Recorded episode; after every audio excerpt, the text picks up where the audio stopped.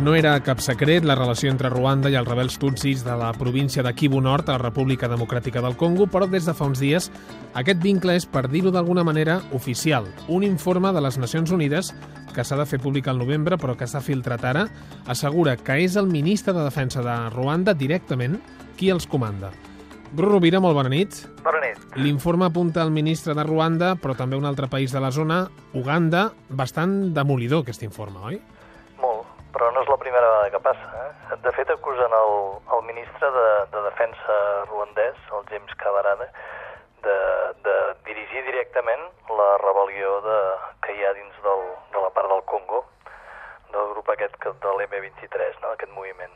Però no és la primera vegada perquè ja l'any 2006 ja va sortir també un informe de, de la ONU molt fort explicant que Kagame i Ruanda estava apoyant la rebel·lió en aquell cas d'en Kunda, no? que era aquell líder guerriller va parapetar al Kivu eh, i que va mantenir una, una guerra fins que va haver-hi un acord i, se, i el van detenir i teòricament està, està controlat pels ruandesos, no? viu a Ruanda ara. Però clar, aquest informe d'ara és, és d'una és d'una gravetat forta perquè hi ha moltes proves, no? Es donen noms directes, eh, s'explica que la frontera d'Uganda és un lloc que no paren d'entrar i sortir transports, o sigui que la, el moviment aquest té plena es- s'acusa de que, aquest, eh, de que estan fent, eh, reclutant nens i nenes com a soldats, etc etc. no? a part de molts de crims d'aquests de guerra i de violències tremendes. No? Bru, era d'esperar, però tant Ruanda com Uganda ho neguen.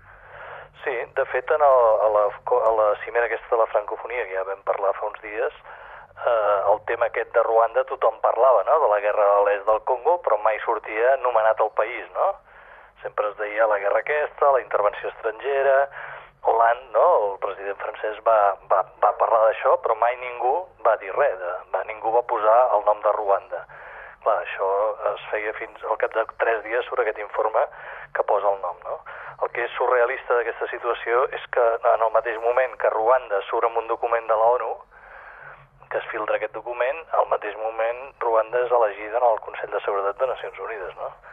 El qual vol dir que eh, no, de cara a la guerra aquesta no crec que serveixi de molt aquest informe, no? que tothom nega, clar. Uh, en Bru, potser convindria recordar una mica qui són els que formen aquesta milícia que té el suport de Ruanda i d'Uganda, l'M23, què pretenen, què, què busquen, què fan? Sí, de fet no, podem, no podríem entendre el que està passant en aquesta regió, que és l'est del Congo, si no ens remuntem a l'any 94 al genocidi ruandès, no? Des d'aleshores fins ara hi ha hagut una situació molt inestable en aquesta regió, entre altres coses perquè tots els, els hutus que van fugir del genocidi es van refugiar a la, a la regió aquesta de Goma i els quibus i tal, i després quan, els van, quan aquests camps de refugiats van ser desmuntats es va quedar molta gent, molts hutus, dintre del país i van començar una, una, tenien una guerrilla i van començar una guerra dintre de la, de la zona aquesta del Congo, no? Sempre, segons els ruandesos, amb la voluntat de preparar-se per tornar a Ruanda, no? Cosa que, que era, és probable, no? Actualment són uns 10.000 guerrillers aquests. A partir d'aquest moment es van crear exèrcits també per lluitar contra aquests i per protegir els Tutsi de la zona de, de l'est del Congo, no?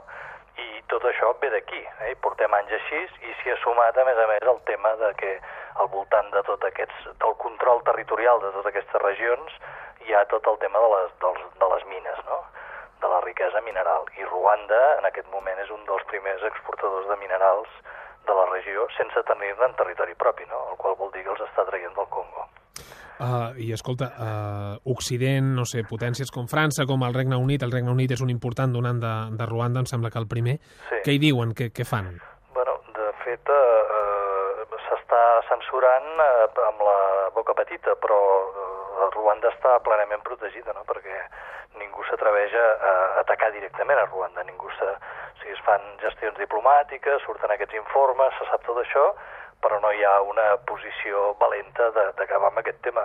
Has de pensar que Nacions Unides el dispositiu de pau més important que hi ha en aquest moment, amb més de 12.000 homes, està, està en aquesta zona del Congo, no? O sigui que també és, bueno, forma part d'aquest món contradictori, no?, el que et deia, que estan al Consell de Seguretat i al mateix temps estan, en aquest moment, estan actius en una guerra, no?, Ruanda.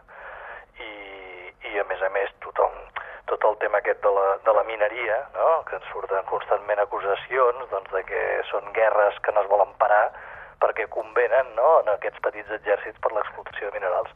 I això no hi ha que ho pari. És, en aquest moment realment és una qüestió que tothom coneix, quan es parla de, dels minerals, del coltant, tot això, tothom sap el que està passant, eh, s'han posat noms i cognoms a les denúncies, hi ha gent perseguida pel Tribunal Penal Internacional eh, i, i en canvi no està passant res.